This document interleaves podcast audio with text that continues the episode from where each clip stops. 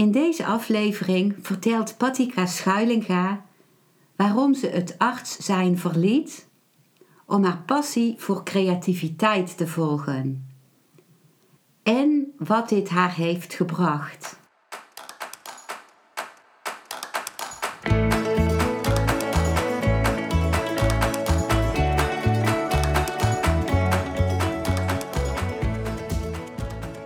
Welkom bij een nieuwe aflevering van Modita's podcast Van Pijn naar Zijn. De podcast waarin ik je meeneem voorbij de pijn in je leven naar wie je diep van binnen bent. Hoe kun je beter omgaan met je gevoelens?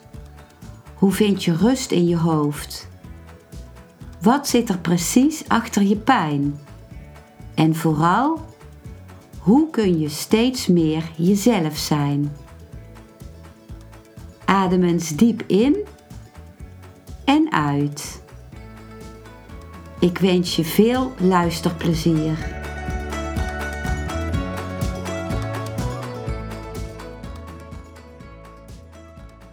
Ik leerde Patika kennen in het Osho Internationale Meditatiecentrum in Pune, India waar we beide deelnamen aan de Art Therapy Training van de Japanse kunstenares Mira Hashimoto. Ik vind het zo bijzonder dat wij naast onze liefde voor Osho en voor meditatie ook delen dat we beiden ons artsenberoep hebben opgegeven om dat te gaan doen wat we het allerliefste doen. Voor Patika is dat het schilderen van portretten, het schilderen in de natuur en het delen van het je openen voor creativiteit in de schildergroepen die zij geeft samen met Abilasha van Nes en waarover zij meer vertelt in deze aflevering. Patika, ik ben heel blij dat jij gast wil zijn in mijn podcast ja, ik vind het ook leuk. Dus, uh, ja. je vertelde mij uh, in ons voorinterview dat je als kind al heel veel en heel graag tekende en schilderde. En kun je ons iets vertellen wat maakte dat je er in eerste instantie toch voor koos om arts te worden? Ja, ja, dat is een goede vraag. Dat heb ik, uh, zat ik vandaag ook nog even te bedenken. Uh, want het was eigenlijk echt een keus om dat te doen.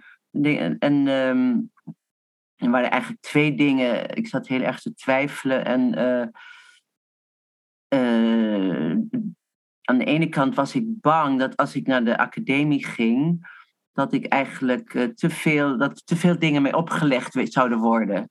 Als je naar de schildersacademie ging? Ja, de kunstacademie. Dat gevoel had ik. Dat, dat ik toch meer zelf moest ontwikkelen. Dat, en het andere was toch ook heel duidelijk dat ik eh, niet uh, afhankelijk wou worden van de kunst om van te leven. Dus dat. Um, en nog een factor. Uh, ik voelde ook dat ik eigenlijk nodig had om meer van het leven te leren. Door, weet je wel, gewoon je komt met zoveel mensen in aanraking. Dus een soort buiten je eigen wereld. En dat gebeurt natuurlijk ook heel erg met die opleiding. Dat je gewoon, uh, het is eigenlijk zo'n rijke levenservaring. Uh, mensen in al die situaties, dat je erbij mag zijn. En gewoon uh, vooral na, en de kooschappen, gewoon, je hebt zo intensief contact met mensen dan nog. En nog meer ja. als, als je als arts bent. En alle ruimte. En dat was, en dat heb ik ook geweldige ervaring gevonden dus uh, in het ziekenhuis werken en uh, de nachten bij mensen te zijn en met sterven en met, uh, met bevallingen. En gewoon, het is, een, het is een hele rijkdom eigenlijk, die opleiding. En dat heb ik eigenlijk ook gevoeld als dat het dat ik dat nodig had, ook ergens. Dus dat ik, je kiest natuurlijk allemaal maar als een blind paard, maar gewoon dat iets, iets dat trok me eigenlijk ook aan. Dus dat het eigenlijk eerst moest ik meer soort expansion, meer uh, van de wereld weten voordat ik gewoon helemaal op mijn eigen trip ging. Zo'n idee had ik dan ook nog vaag, weet je wel. Hmm. Maar dat was natuurlijk uiteindelijk toch heel anders. Maar ik denk dat het toch een hele goede keuze is geweest, want het heeft me uiteindelijk toch bij Osho gebracht. Omdat je uh, bij zo, ja, met eigenlijk zoveel, met, met de mysterie van het leven te maken krijgt. En gewoon, uh, en vooral met, met die dingen als sterven en geboren worden en. Um, en ook in de psychiatrie, weet je wel, gewoon alle staten van waar mensen in terecht kunnen komen. En dat is, eh, om dat zo dichtbij te zijn, het allemaal te ervaren, is eigenlijk heel bijzonder. En ik denk dat ik het eigenlijk wat, uh, wat te sterk ervoer. Of, en dat het me ook niet zo geschikt maakte daardoor als arts. Want uh, de eerste bevalling dat ik, waar ik bij was, barstte ik in tranen uit. Want het was zo ongelooflijk uh, spannend. Dat het eerste kindje was al doodgeboren. Het tweede kindje, iedereen zat te wachten, gaat dit goed? En weet je wel. Nou ja, goed, dat, het, het, het raakte me allemaal heel erg wat daar gebeurde. Dus ik was op een bepaalde manier heel dicht bij de mensen. En dat was eigenlijk ook het bijzondere ervan, maar gewoon misschien ook al te dicht voor, om mm. arts te kunnen zijn. En ook bijvoorbeeld hoe, hoe er met sterven omgegaan werd. En ik werkte dan ook nog na eh, mijn opleiding in de intensive care tijd. En ehm, dat mensen gewoon doodgingen achter een gordijntje. En met heel relatief weinig zorg. En, en uh, nou ja, natuurlijk wel fysiek, maar dat uh, allemaal zo terloops doodgingen. Nou, dat vond ik vreselijk. Mm. Uh, ik denk, ja, wat wordt er hier eigenlijk daarvan de, van de dood geweten? Weet je wel, ik had ook meer toen het gevoel. Toen, ik kan hier verder niets over het leven leren van het had ook weer zijn limieten. Dus in het begin heb je toch leer heel erg veel. En, maar met, vooral met het doodgaan had ik niet het gevoel dat ik in een een of ander specialisme meer van het mysterie van het leven of doodgaan, dat ik daarvan meer kon leren. Wauw. In, in mijn hart klap ik gewoon als ik ah. hoor praten, Patika. Want ik, ik, herken, ik herken dit zo erg wat je zegt. Ik, dacht, hoe, hoe fijn zou het zijn geweest als wij elkaar in die tijd gekend hadden en het hierover konden hebben of zo. Ja, want ik was er wel alleen in. En, uh, en ja, het waren gewoon, maar die, sommige mensen die uh, kon ik het wel mee delen, maar gewoon, ik was, ja, ook weer niet. Vond ik wel, zeker toen ik daarna na de, na de studie gewoon ging werken, toen, eh, toen was het gewoon te veel het werk, omdat je dan eigenlijk zoveel beslissingen moet nemen en zoveel dingen moet doen. Weet je wel, als co-assistent kun je dat nog helemaal ervaren en sta je nog redelijk buiten. En dat vond ik eigenlijk was too much voor mij, om gewoon helemaal echt in de hiërarchie te zijn en en uh, die beslissingen over mensen te nemen. Jeetje, gewoon. Uh, en ja, dat was gewoon te veel dat, om daar verder in te gaan. Ja, ik begrijp het. Ja.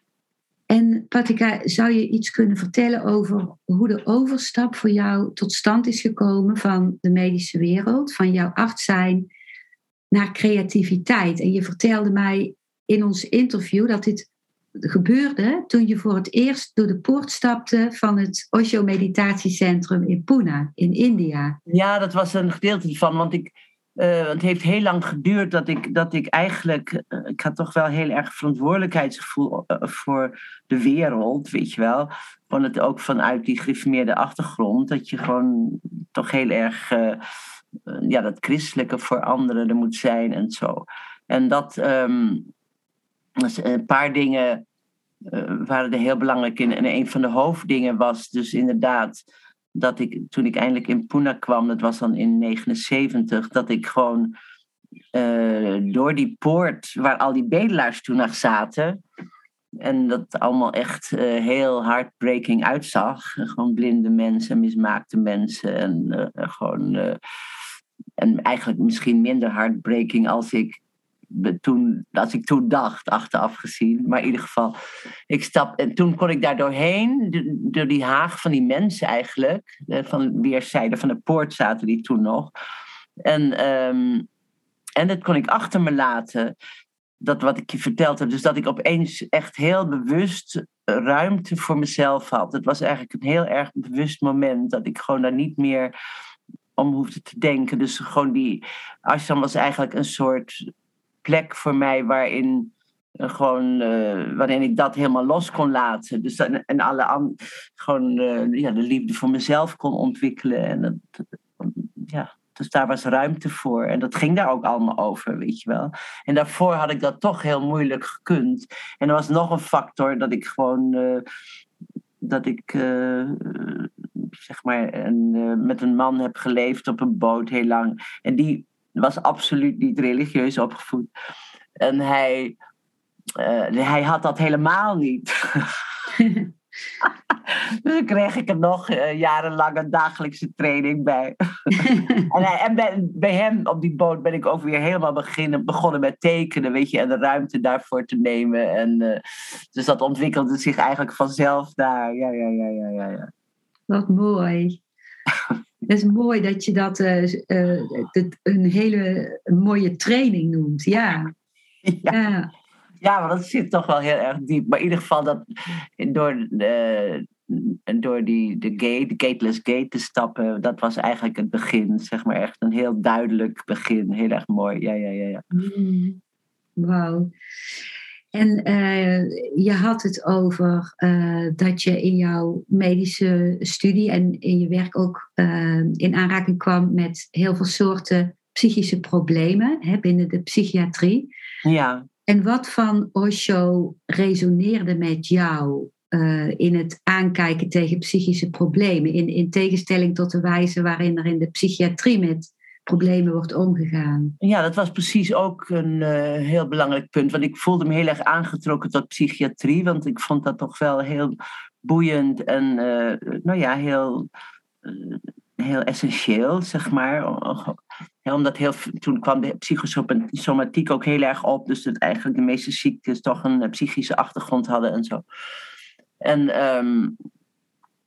uh, wat mij vooral, toen heb ik een lange tijd in een crisiscentrum voor alcoholisme gewerkt ook nog. En uh, in de gewone psychiatrie was die labeling van mensen. Dat daar, dus de mensen daar zo vastgelegd werden. En gewoon dat het eigenlijk een. Het is wel natuurlijk een handvat om met dingen om te gaan, maar het was ook heel erg een beperking. En dat gewoon dat je eigenlijk dat, die, dat de mensen daarin vastgehouden werden, dat ervoer ik toen ook wel. En um, uh, ook heel erg ervoer ik, dat was meer in dat uh, crisiscentrum, de afhankelijkheid van mensen van de mm, therapeuten. Weet je wel, dat ze toch niet in hun kracht kwamen in die therapie, maar dat ze gewoon eigenlijk in hun uh, mindset kwamen. En, um, en eigenlijk niet zich daaruit konden uh, bevrijden. Gewoon dat ze, is eigenlijk in een soort afhankelijkheidsrelatie met, uh, met de psychotherapie en de therapeuten. En toen uh, zag ik een keer in Krasnopolski een film over de dynamic. Want ik was natuurlijk wel aan het kijken hoe en wat, wat er allemaal in die tijd het gebeurde was. Ook in de antipsychiatrie en dat, was, dat speelde toen allemaal. En um, toen was er die film over de dynamic. De dynamic, de Osho Dynamic Meditation, is een actieve Osho-meditatie. En um, toen werkelijk, toen viel er me echt een kwartje. Want het was zo geweldig om te zien hoe mensen zich echt totaal konden uiten. Helemaal uh, op allerlei manieren. En um, dat daarna, dat gewoon het hele proces van die dynamic, dat daarna dat, die grounding en die stilte en dan ook nog dat dansen. En dat ze daardoor gewoon eigenlijk heel erg hun power terugkregen. En ook uh, inzicht in zichzelf. Weet je wel, dat daardoor eigenlijk die hele afhankelijkheidsrelatie met een therapeut, dat die daardoor doorbroken werd. En uh, is een heel mooi middel hadden om naar zichzelf te kijken en in hun kracht te komen. Dat was eigenlijk, uh, nou dat vond ik geweldig. En ik ben het toen ook gaan doen en het was in 78 of 77 geloof ik. En uh, toen ben ik van Rotterdam naar Amsterdam verhuisd om dat uh, te kunnen gaan doen. Want ik vond het echt een ontzettende voor mezelf ook. Weet je wel, dat je gewoon dat elke keer ervaart. Dat je uit je mind komt en in je kracht komt en gewoon in je lichaam komt. Dus ik vond dat uh, fantastisch. En dus toen was het, werd het langzaam steeds duidelijker welke kant ik op wilde. En en toen ben ik uh, langzamerhand het volgende jaar naar Pune gegaan. En uh, ontwikkelden dingen zich gewoon verder. Eigenlijk vanuit die meditatie ook zag ik steeds duidelijker wat ik dan wel wilde. Ja. Of dat groeide gewoon vanzelf eigenlijk, ja. Wat mooi. En, en droeg het land India daar ook nog aan bij voor jou? Aan, uh... Uh, ja, nou, ik had me nooit zo aangetrokken gevoeld tot India. En eigenlijk, uh, en überhaupt, ik was niet echt een reizigster. Maar door Osho heb ik toch al die reizen gemaakt. En, um, en wel was het India in die tijd was het niet te vergelijken met nu, weet je wel. Dat is toch alweer meer dan 40 jaar geleden. En dan kwam je uit het vliegtuig en dan die geur alleen al van India, weet je, dat is ongelooflijk. En, um, maar ook de enorme. Alles kon daar. Dat was een hele sterke ervaring. Alles was daar mogelijk en alles kon daar. Dus een enorme ruimte. Gewoon geen regels.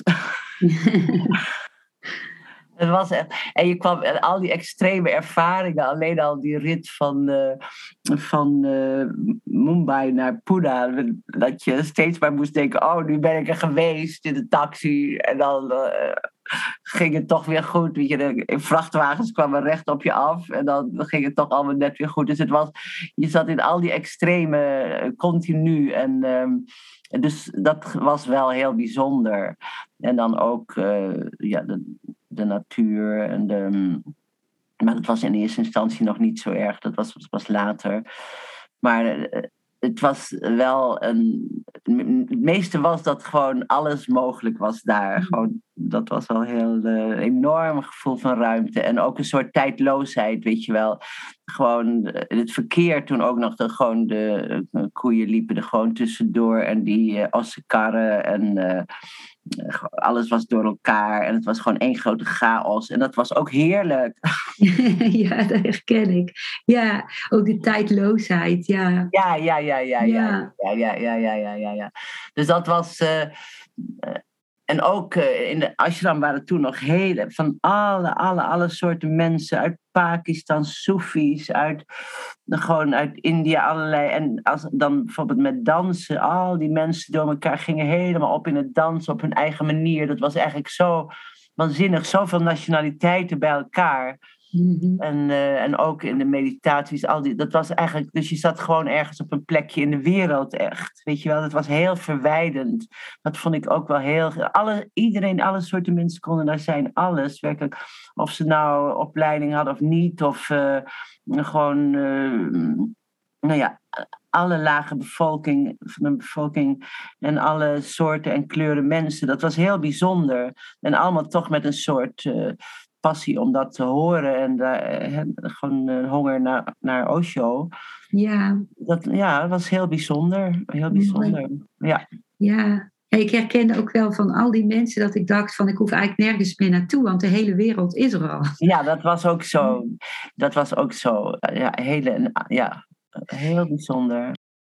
Je hebt uh, uh, eigenlijk twee keer in ook wat betreft uh, de kunst hè, en het schilderen wat je deed in het meditatiecentrum van Osho in Pune, heb jij op twee momenten de, de Japanse kunstenares Mira Hashimoto ontmoet. Kun je daar iets over vertellen? Wat er de eerste keer gebeurde toen je met haar schilderde en wat er de tweede keer toen je jaren later weer terugkwam? Oh ja, dat was uh, oh, grappig. Ja, mooi dat je dat zo eruit haalt. Want uh, ik weet dat ik, uh, ik had een portret van iemand gemaakt. Al, gewoon, dus ik maakte al toch wel veel portretten. En ehm, diegene had mij daarvoor betaald. En van dat geld kon ik die groep doen met Mira. Dus dat was eigenlijk grappig. En toen kwam ik heel erg in dat vrije schilderen en in een totale andere manier. En dat nature painting. En um, en ik, eh, dat was eigenlijk uh, toch wel heel nieuw. En, en ik zat, eh, denk jeetje, dat is heel onbekend voor mij. Maar het kwam er helemaal in. En op een gegeven moment, toen um, zat ik helemaal in. En, en het laag over laag. En het, ik zie het nog helemaal voor me, dat schilderij ook. En opeens kwam het licht erin. En toevallig stond ze toen net achter me. En ze zag me helemaal daarin gaan. En toen zei ze van, and now you're happy, zei ze. En toen dat was echt een moment dat ik dacht, ja, hierin ligt echt mijn weg. Weet je wel, dit is wat ik helemaal wil doen. Het was, het was zo'n duidelijk moment. In het schilderen, ja. Ja, en ook uh, ja, in het schilderen überhaupt. En uh, toen was eigenlijk het besluit, of van daaruit kwam ook echt het besluit om de, al die andere dingen helemaal los te laten, weet je wel. Want ik zat altijd nog gewoon daar te solliciteren, daar, daar, daar. En, uh, en toen heb ik echt al die andere dingen losgelaten. En uh, ben ik er helemaal voor gegaan. En toen ik dus terug was in Nederland, ben ik ook, denk ik, ja, hoe kan ik dat nou doen? En toen ben ik gewoon naar Antwerpen gegaan en portretten op straat gaan schilderen. Wow. Dus, en helemaal, uh, denk ik, ja, moet ik toch ergens beginnen. En dat heb ik daar twee jaar gedaan. En, um, dus, en uiteindelijk is dat geworden lang, en ben ik weer terug naar Amsterdam op een gegeven moment. En heb ik 25 jaar portret geschilderd. En uh, toen kwam ik in 2012, of ja, 2010 had, nou ja, 2010 kwam ik toen weer, uh, toen zag ik opeens de hele Boeddehal weet je wel, de moederhal zag, uh, werd alles geëxposeerd en al die zelfportretten werden toen geëxposeerd. En ik was zo ongelooflijk onder de indruk van al die, van de enorme authenticiteit van al die zelfportretten. Gewoon dat mensen dat, of ze wel of niet konden schilderen, dat ze zo raak en zo diep hun eigen portret konden maken. Dat vond ik echt, ik denk nou, dat is geweldig, dat gaat zo ver. En dat, dat je zonder ervaring, dat je gewoon al zo prachtig, uh, zo diep in jezelf kunt komen in een portret. Dus uh, toen dacht ik, nou, ik ga weer met haar schilderen.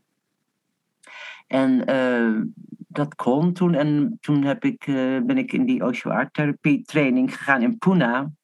En dat was in 2000. 13. Toen, ja, toen ben ik weer begonnen met, met haar te schilderen. En toen, dus 2013 heb ik dat gedaan. En uh, toen ben ik in 2015, dan heb ik weer met haar geschilderd in Amalura. En 2016. En toen was in 2017 uh, gebeurde het ongeluk met haar. Dus ik heb dat toch weer nog helemaal meegemaakt en die inspiratie daarvan gekregen. Dus dat was wel heel fijn. Dat, dat, um, en dat het ook, weet je wel, dat je weer helemaal alles loslaat wat je zogenaamd kent en weet. En je ervaring, dat je helemaal weer opnieuw begint. Dus dat vond ik ook eigenlijk geweldig. Ook met portret weer, hele andere manieren. En um, dus dat, dat je altijd een beginner bent, dat vond ik ook heel mooi om dat te ervaren. Die, al, toch weer elke keer dat je niet op je routine gaat, dat je weer helemaal in die onzekerheid gaat. En het, dat is eigenlijk ook heel erg fijn, die onzekerheid, dat je daardoor weer nieuwe dingen aanboort.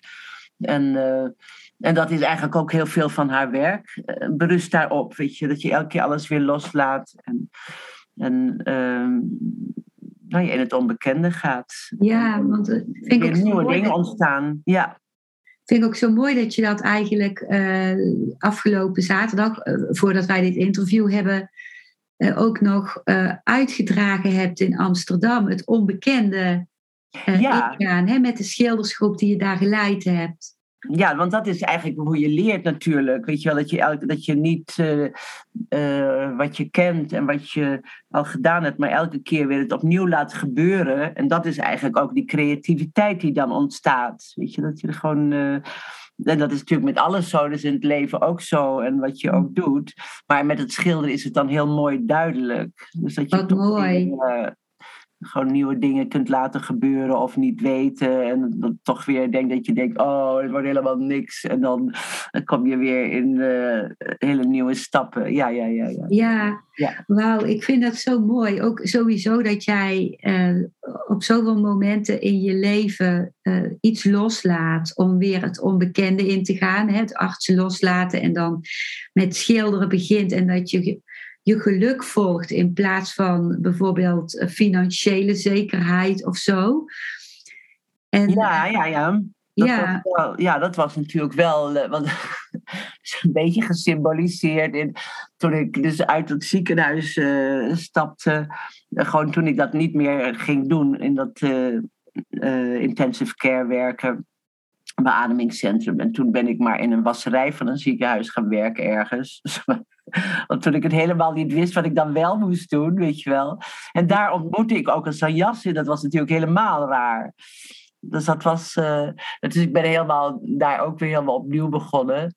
En, uh, en later ben ik wel weer in, um, om geld erbij te verdienen in, in de particuliere verpleging gegaan. En het was ook heel bijzonder, want dat paste eigenlijk weer heel mooi toen ik al, al lang bij Osho en in Pune geweest was. Dus die, had, toen had die meditatie zo, zich zo verdiept dat ik uh, toen op mijn veertigste gewoon weer in de particuliere verpleging één of twee dagen per week ging werken. En daar kwam ik heel veel in de terminale zorg. Mm-hmm. En dat was eigenlijk toch nog uh, heel bijzonder om daar te ervaren in plaats van in het ziekenhuis hoe dat ging, weet je wel, achter het gordijntje. Uh, en dat was misschien, is misschien nu ook anders, maar dat was toen nog wel zo. En dat ik gewoon, hè, dat je zo bij het sterven van mensen kon zijn, gewoon in alle rust. En dat het heel mooi kon gaan. En dat vond ik, dat was heel erg fijn eigenlijk, om dat op die manier er ook nog bij te doen. Dat heb ik nog tien jaar gedaan erbij. Dus dat ik ook niet afhankelijk was van het schilderen. Ik kon gewoon daardoor ook makkelijk een atelier huren en, uh, en dat portretten. Dat ik niet alleen afhankelijk was financieel daarvan, weet je wel. Ja. Dus dat was ook, en dat ik gewoon kon reizen, dat ik gewoon kon blijven reizen naar India elk jaar, toch wel drie maanden, twee, drie maanden. En dat kon ik allemaal blijven doen. Dus uh, dat was heel fijn. Wat mooi. Ja, en toch, ja, dat, gewoon dat sterven, om daarbij te zijn, dat gaf me dan ook heel veel. Dat was, uh, en ook door die meditatie kon je daar heel dichtbij komen. Dus dat was heel fijn. Ja, ja wat mooi. Ik vond ook, uh, het sprak me ook heel erg aan wat je vertelde over jouw passie voor het uh, portrettekenen. Dat je verliefd werd op degene die je aan het tekenen was. Dat je er zo in zat dat je gewoon uh, los van het. dat je de oordelen over iemand dan helemaal losliet. En, ja, ja, dat is elke keer. Nou ja, dat is een heel essentieel pro proces van het tekenen überhaupt. Um, en dat ontdekte ik dan heel erg met dat uh, portret tekenen. Want ik ging dan op uh, willekeurig wie tekenen op straat ook, weet je wel. En dan uh, verkocht ik die portretten. Maar ik ontdekte heel erg, je begint met het tekenen en je hebt ideeën over iemand, weet je wel. Dat gaat automatisch. Je zegt, denk dit en dit en dat. En op, een, op een gegeven moment kwam altijd aan een kwam een shift van wauw, dan ga je er helemaal in en dan kom je toch helemaal in je hart met iemand. Want dan is het zo spannend aan wie erin zit en wat er uitkomt. En dus dan krijg je toch een connectie met iemand. En dan, uh, dat was heel bijzonder om elke keer die shift te zien. En dan van die mind die alles vindt. En naar gewoon, en dat is eigenlijk een beetje van de, van de, recht, van de linker naar de rechter hersenhelft, eh, denk ik. dus je bent heel erg met die vorm bezig en dit en om in te gaan. En op een gegeven moment uh, heb je een shift. En dan ervaar je iemand op een totaal andere manier. En dan kom je ook veel meer in het moment. En dat is elke keer, dat is ook eigenlijk met het natuurtekenen of met wat dan ook, is het ook zo. Maar met, die, met, uh, met het portrettekenen merkte ik dat zo duidelijk. Dus dat, dat vond ik heel erg bijzonder. En ook met gewoon tekenen. Ik weet nog wel dat ik een keer. Ehm, eh, dat was eigenlijk ehm, nog daarvoor. Dat ik gewoon. Toen woonde ik dus, wat ik al zei, op die boot. En was, ik was getrouwd. En ik voelde helemaal geen connectie meer met die plek en die situatie. En ik denk, jeetje, wat doe ik hier? En toen ben ik gewoon maar, dat lag al die materialen op die boot, gewoon uh, allemaal pijpen en touwen. En Toen ben ik gewoon maar een touw gaan tekenen. En dat gebeurde echt precies hetzelfde. Ik denk, wauw, weet je. En opeens werd het gewoon prachtig, dat touw. En ik was helemaal dat is precies diezelfde shift. Dat je dan denkt, wauw, dat is fantastisch. En, uh, en helemaal in het moment zijn. Dus het is ook echt vanuit de mind naar in het moment zijn gaan. En dat, dat gaf dus heel veel een, een, eigenlijk een hulpmiddel of een tool om... Um, ja, om, voor je leven. Weet je? Dus als je gewoon je, heel duidelijk dat je die shift ziet van hey, of je zit in je mind en met die oordelen en die mind kan alle kanten opgaan en enorme drama's maken en gewoon in het moment zijn. En dat gebeurt met de tekenen heel erg. Gewoon dus, dus toen ben ik ook al die pijpen en al die, die machines die die boot gaan tekenen en al die. Wat er maar op zat. En ook nou ja, dat werd eigenlijk prachtig. Weet je wel, al die dingen werden gewoon opeens prachtig. Het is precies hetzelfde. Wat mooi. Kachelpijp. Ik, vond, ik denk, wauw, die kachelpijp. oh, wat, wat mooi. Ja, heel erg leuk. Ja, ja, ja. Eigenlijk is dat dan ook... Ja, ja, dat gebeurde dus daar ook mee. Ja, ja.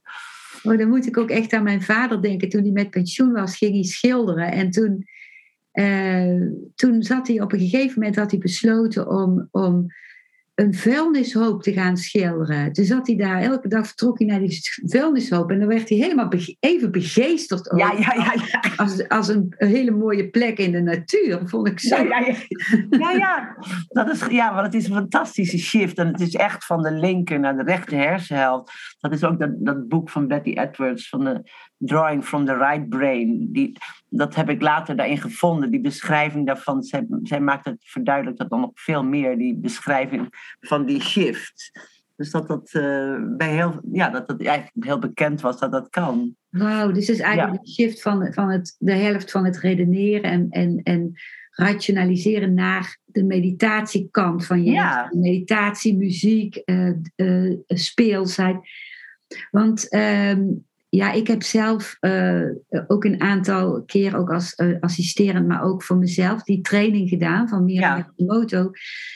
En als je er van de buitenkant naar kijkt, dan lijkt het net, oh, daar zitten gewoon allemaal mensen te schilderen. Dat lijkt alleen maar schilderen. Terwijl als je erin zit, dan voel je inderdaad wat er met je gebeurt. Van ja, ja. een keer helemaal faalangst en of, of ik stel niks voor. Je komt al je kritische stemmen. Ja, ja, ja, ja tegen. En door door te gaan, uh, kan daar iets in veranderen. Dus toen ervoer ik echt dat schilderen therapie kan zijn. Uh, ja, dat is hetzelfde. Dat is precies hetzelfde. Dus dan, die mind komt dan met al die oordelen.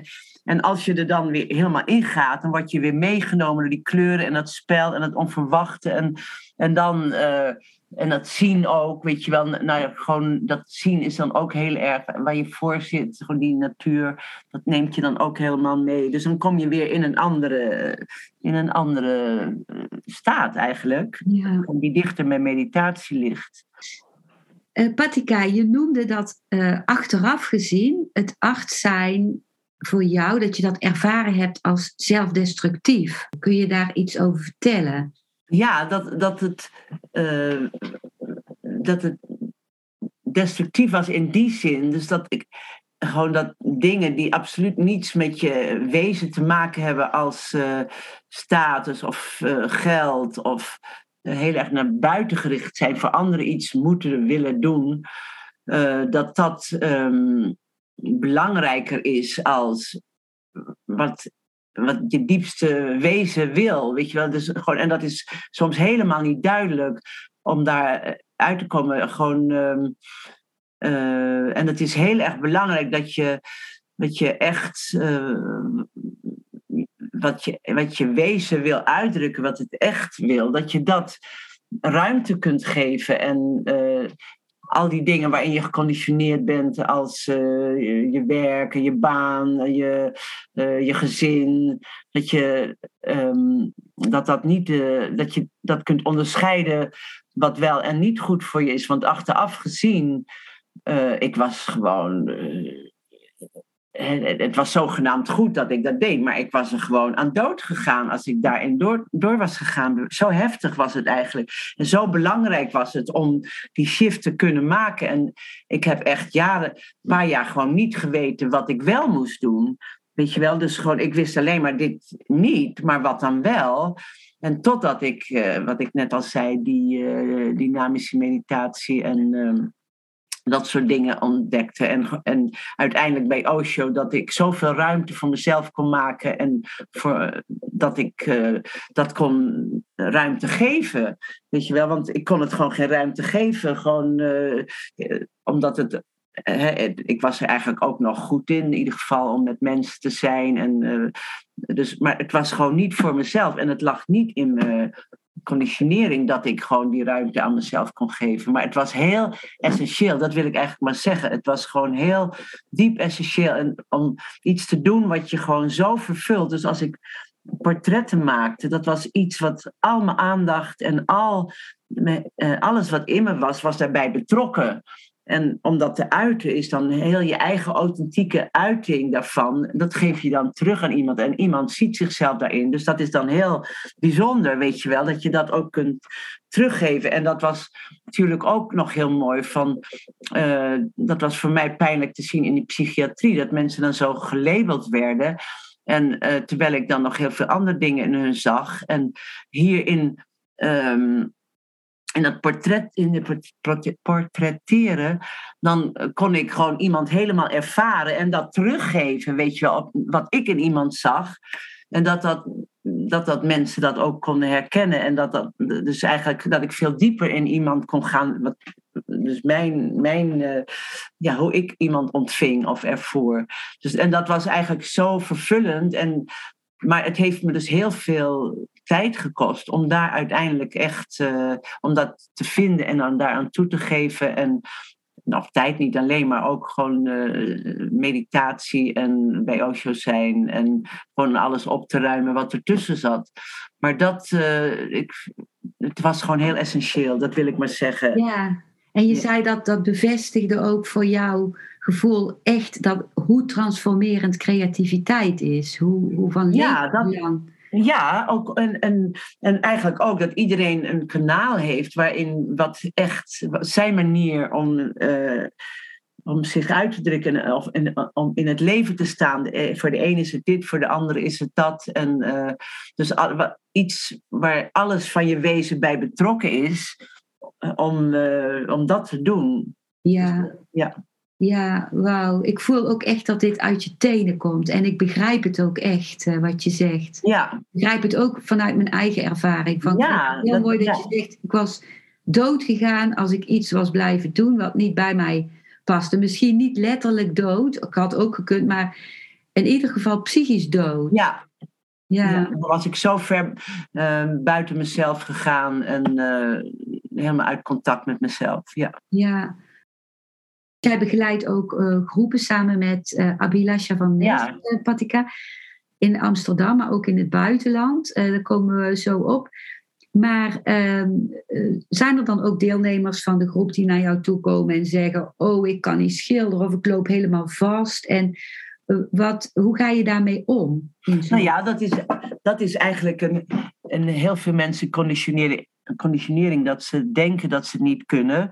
Of dat is heel erg. Eh, vroeger was het nog veel meer, nu is het langzamerhand al veel anders.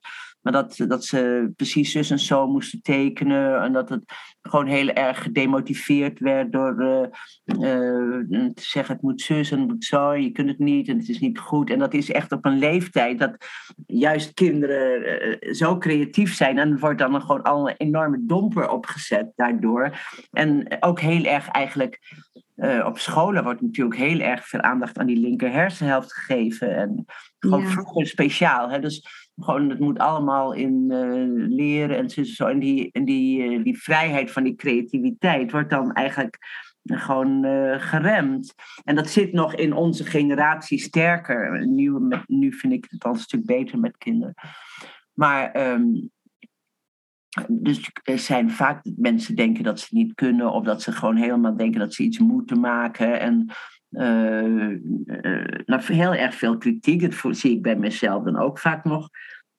Dat ik denk, jeetje, het is helemaal niks, weet je wel. En dan, maar ik, ik kan het wel van mezelf zien. Maar als je daar helemaal nog mee geïdentificeerd bent, dan is het gewoon heel uh, dus daarom zijn, we hebben al die kleine dingetjes om dat eigenlijk los te kunnen laten. Zoals gewoon dans en um, meditatie erin te doen. En uh, ook met je ogen dicht schilderen of wat dan ook. Of gewoon met iemand samen schilderen. Of, maar in ieder geval, je komt alles erin tegen.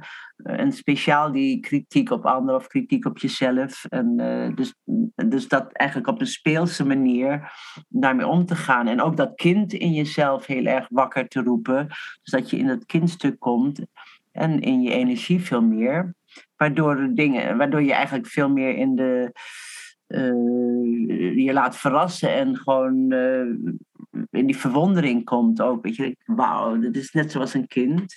Als je een kind neerzet, dat was een, iemand vertelde nog uh, zaterdag, die zei van, nou, ben een kleinzoon en als hij gaat zitten, hij gaat gewoon schilderen met zoveel zelfvertrouwen en helemaal neemt het hele papier en de mooiste dingen maakt hij, weet je wel, gewoon uit zichzelf, omdat hij, dat zit gewoon in kinderen. Ja. En ook nog vaak is het echt heel erg mooi. Van heel, het is ongelooflijk. De, compositie klopt, de kleuren kloppen. Dus het is echt een fontein dat eruit komt van creativiteit. Dus om dat weer aan te boren, dat is natuurlijk ook wel heel erg leuk. Wauw, wat mooi. Ja. En, en kun, je, kun je iets uh, delen, Patika, van uh, mensen die aan jouw jullie groepen deelnemen, wat die, wat die teruggeven aan wat het hun gebracht heeft? Uh, als ze zo'n dag of workshop hebben gedaan?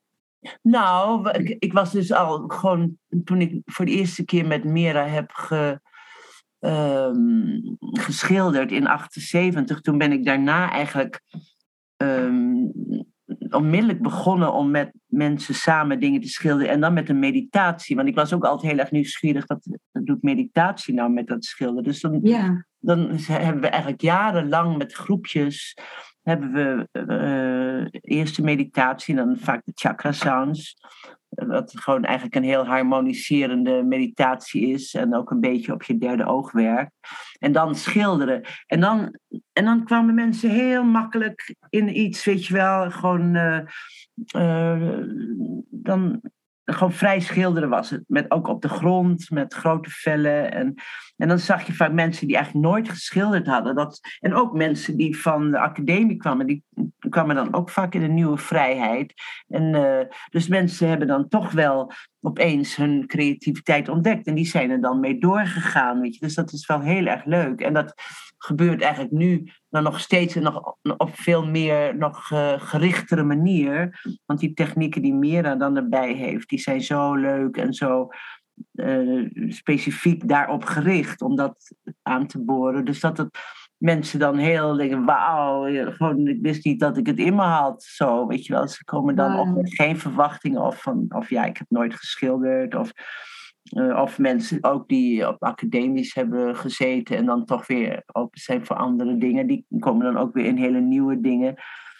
En ook, ook met de natuur is er nog een extra ding. Dat je gewoon ook heel erg um, ja, het mysterie van de natuur, weet je, dat is weer een heel, ook nog heel nieuw iets. Van, uh, je, je komt wel in het kijken en heel erg in het ervaren. En door het kijken en het schilderen komt het echt heel erg binnen. Mm. En het, dat is ook nog een extra dimensie eigenlijk. Van, je bent natuurlijk zelf onderdeel van die natuur, zoals met een bomen schilderen. Gewoon je, je bent er ook onderdeel van. Maar je ervaart het heel sterk. En dat is, wordt eigenlijk ook nog versterkt door die meditaties. En dat um, is een hele bijzondere manier om je te verbinden met de natuur. Ja, wauw, dat herken ik. Want ik, ik dacht altijd uh, voorheen, als ik in het meditatiecentrum was, wat, wat doen die mensen daar in godsnaam? En dan daarna was er dan zo'n expositie. En toen had iemand ook een heel gedicht gemaakt. Dat hing daar dan in de bomen. Tussen de bomen. Van uh, de bijzondere verbinding die tot stand was gekomen tussen haar en de natuur. En toen dacht ik, ik was in die tijd uh, heel depressief. En toen dacht ik, dat wil ik ook. Ik wil, ik wil die verbinding weer voelen. En dat is de reden waarom ik het ben gaan doen. Oh, en dat was wow. inderdaad wat er gebeurde. Dat, dat is ongelooflijk. Dat kun je niet uh, bedenken of, of overdenken dat zoiets tot stand komt. Uh, nee, want dat is, dat is precies ook nog een ding. Weet je, het gaat heel erg. Dat is ook het verschil met alle andere opleidingen. En, maar ik denk er is nu ook een shift ook in opleidingen. Dus het is niet alleen dit, maar de mensen realiseren zich natuurlijk op grotere schaal veel, steeds meer dit soort dingen. Maar dat je dus uh, heel verschil tussen denken en ervaren en, en die mind, dat je daar los van komt. Dat je gewoon eh, op een andere level connect als met de mind. En ook het schilderen, dat het geen plan heeft en geen, of, dat het niet om techniek alleen gaat. En um, technieken zijn heel simpel, maar het is niet op het resultaat. Dus dat zijn allemaal dingen waardoor je niet vanuit het denken werkt. En dat, mm. dat je gewoon dus alles veel meer binnen kunt laten komen. Eh, gewoon voor wat het is en het eigenlijk veel groter is als je denken. Gewoon, ja. Ik vind het ook mooi dat, dat toen ik jou vroeg van wat, wat uh, reik je iemand aan als die uh, op slot raakt of zo, hè, in, in oordelen of in, in het vastlopen, in het schilderen, dat je toen juist uh, meer in indirecte dingen noemde als de, van dat je dan een meditatie ging doen met mensen of, of dans ging doen. En ja, ja, ja, daaruit dan weer de flow ontstaat. ja precies, want dan gaan mensen uh, meer in, komen meer in hun energie en, uh, en dan gaat het allemaal even, zelf. Of bijvoorbeeld, je hebt ook uh, met dat linker en het rechteroog je mannelijke en je vrouwelijke kant, weet je wel. Dus dat je, sommige mensen hebben dan, tenminste bij mij is dat zo, dat vanuit mijn linkeroog heb ik dan minder oordeel als vanuit mijn rechteroog. En dus dan als ik mijn rechteroog afplak, dat ik dan opeens veel vrijer ben in het schilderen. Dus dat is dan weer een andere dimensie, wat we ook heel erg op ingaan met je mannelijke en je vrouwelijke kant, de verschillen daartussen. Dus daar kun je ook nog mee spelen. Er zijn heel veel dingen waar je mee kunt spelen om gewoon een toegang te krijgen tot een ander stuk in jezelf. Zo mooi. Ja. Zo rijk ook. Uh, ja. Uh, Wauw. En uh, uh, jij geeft samen met Abilasha uh, groepen. Zijn dat groepen van een dag of van meerdere dagen? En waar vinden die plaats? Kun je daar iets over vertellen? Nou ja, het is heel erg leuke dingen zijn gegroeid. Um, dat is hier in de meditatietuin hebben twee mensen hebben. Is in Amsterdam. in Amsterdam, in het Amstelpark, hebben een, hebben een prachtige situatie opgezet. Waarin uh, dus we en in de stad en tegelijkertijd in de natuur kunnen schilderen. En dat doen we elk seizoen een dag, een natuurschilderdag. En um, verder hebben we in Mallorca veel geschilderd, dus schildergroepen in Mallorca. En dat uh, gebeurt misschien weer, maar dat is, staat nog niet vast wanneer dat is. Mm-hmm. En um, we hebben nu ook uh, een uitnodiging gekregen om in Griekenland te schilderen. En het gaat dan voornamelijk over het portret en zelfportret voornamelijk. En ook in de natuur schilderen. En dat is ook een klein eilandje in Griekenland. En zo, het ontwikkelt zich eigenlijk zo per jaar weer anders. Maar dit is, gebeurt dan dit jaar. En er zijn hier Ehm, in het park uh, doen, uh, zijn we ook uitgenodigd om hier nog uh, in een ander park in Amsterdam, door de organisaties van het park, zijn we uitgenodigd om daar dingen met schilderen te geven. En in de Witte Wolk, dat is een centrum in Groningen, dan geven we nog een, schildergroep. Dus het, ja, zo, dat, dat komt wel allemaal op mijn website ook, dat mensen dat kunnen okay. zien. Ja. Want jouw, uh, jouw website, die zal ik uh, onder deze uh, podcastaflevering vermelden. En ook jouw, jouw e-mailadres. En dan ook jullie namen van jou, Patika, en van Abilasha, ja. waar jullie op. nee, ik zeg, jullie hebben samen een Facebookpagina, uh, Nature ja. Painting. Hè? Ja. En die zal ik ook vermelden in de Ja, heel goed. ja, ja. ja. Ja. Wauw. Wat zou je aan uh, mensen mee willen geven die nog nooit geschilderd hebben en die misschien bij het luisteren van deze podcast denken van hoe zou het voor mij zijn? Um, nou, dat het ook, uh, het is echt uh, een soort joy, weet je wel. Het is echt, uh, je wordt er heel blij van als je, uh, als je, je, je, kunt, je kunt er heel erg blij van worden in ieder geval. Als je erin gaat, dat is eigenlijk het hoofdding. Dat je komt heel veel van jezelf tegen, maar het is ook heel geweldig om opeens iets te kunnen uitdrukken of iets te kunnen. Uh, dat er iets uit je komt wat je ervaren hebt en dat dat je dat, uh, die, die, die ervaring eigenlijk voor je ziet opeens, weet je wel. Dat blijft ook bij je dan. Dus het is eigenlijk ook ja, dat is eigenlijk wat creativiteit dan is. Uh... Wauw, dat vind ik heel mooi wat je zegt. Want dat vond ik ook heel fascinerend met dat schilderen. Dat je ineens iets wat binnenin je zat, dat je dat op het papier ziet. Alsof het papier dan weer terugpraten naar mij toe. Ja, ja, ja, ja. Versterkt werd. Ja.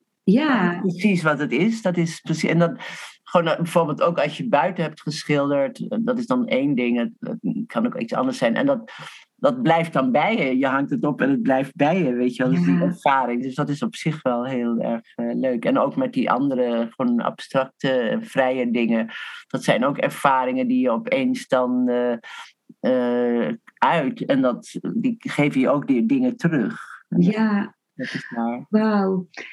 En uh, ja, ik ervaar jullie ook als hele fijne mensen gewoon. Dat niet iemand die op je vinger zit te kijken, maar die juist een hele fijne, vrije omgeving uh, scheppen waarin je helemaal jezelf kunt zijn. Ja, maar dat is echt het hoofdding. Ik bedoel, het hoofdding van creativiteit is vrijheid natuurlijk. Want dat was ook een voor mij al heel essentieel dat ik gewoon op dat grote stuk papier voor mij dacht ik van, nou, hier ben ik helemaal vrij.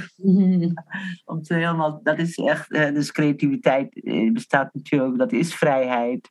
Dus dat, ja. Uh, ja, ja. En dat wordt op allerlei mogelijke manieren, wordt het eigenlijk aangereikt en gestimuleerd. Ja. ja, je komt zoveel van jezelf tegen. Want ik weet dat ik dan in Pune aan het schilderen was. En ik schilderde ver over de randen van het papier heen. Dus alle oh, assistenten kwamen aan om daar nog bijpapieren bij te doen. En toen zei, toen zei iemand van, ehm, ik zou er nog papieren onder leggen. Dat je meer, ik zei, nee, dat wil ik niet. Ik wil gewoon over de rand schilderen. En toen zei ik, uh, dat is mijn vrijheid. En toen zei Mira van, die zei, dat is geen vrijheid. Vrijheid heb je alleen als je binnen de beperkingen kunt. Oh, ja, ja, ja. ja, ja, dus ik leerde weer iets over mezelf. Ja. Ja, ja, ja, ja, ja, ja, jij moest nog even die randen uitdagen. Ja, ja, dat klopt.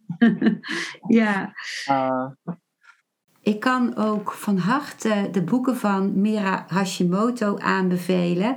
Haar eerste boek heet Reawakening of Art. En haar tweede boek Dancing into the Unknown. Ik zal die beide boeken zal ik die ook vermelden. Onder de... Ja, heel goed, heel mooi. Heel mooi, hè? Want dan, ja. uh, soms hebben mensen dat boek gelezen en dan denken ze, ook, ook mensen die al schilderen, hè, die of ja, ja, ja, zijn. En die denken dan, wauw, daar zou ik gewoon wel meer van willen ervaren. En dan verwijs ik altijd naar jullie. Dus ik denk dat het mooi is dat ook in de beschrijving op te nemen. Oh ja, heel goed. Ja, heel goed. Oké, okay, oh. uh, Patika, ontzettend bedankt voor wat je allemaal gedeeld hebt. En ik hoop dat heel veel mensen uh, jou en Abilasha zullen vinden en echt voor zichzelf gunnen om dit wat je verteld hebt ook zelf te ervaren. Oh, nou, dankjewel. Heel fijn, dankjewel, Modita. Dankjewel voor het luisteren naar deze aflevering. Ik hoop dat hij je een nieuw inzicht of perspectief heeft gegeven.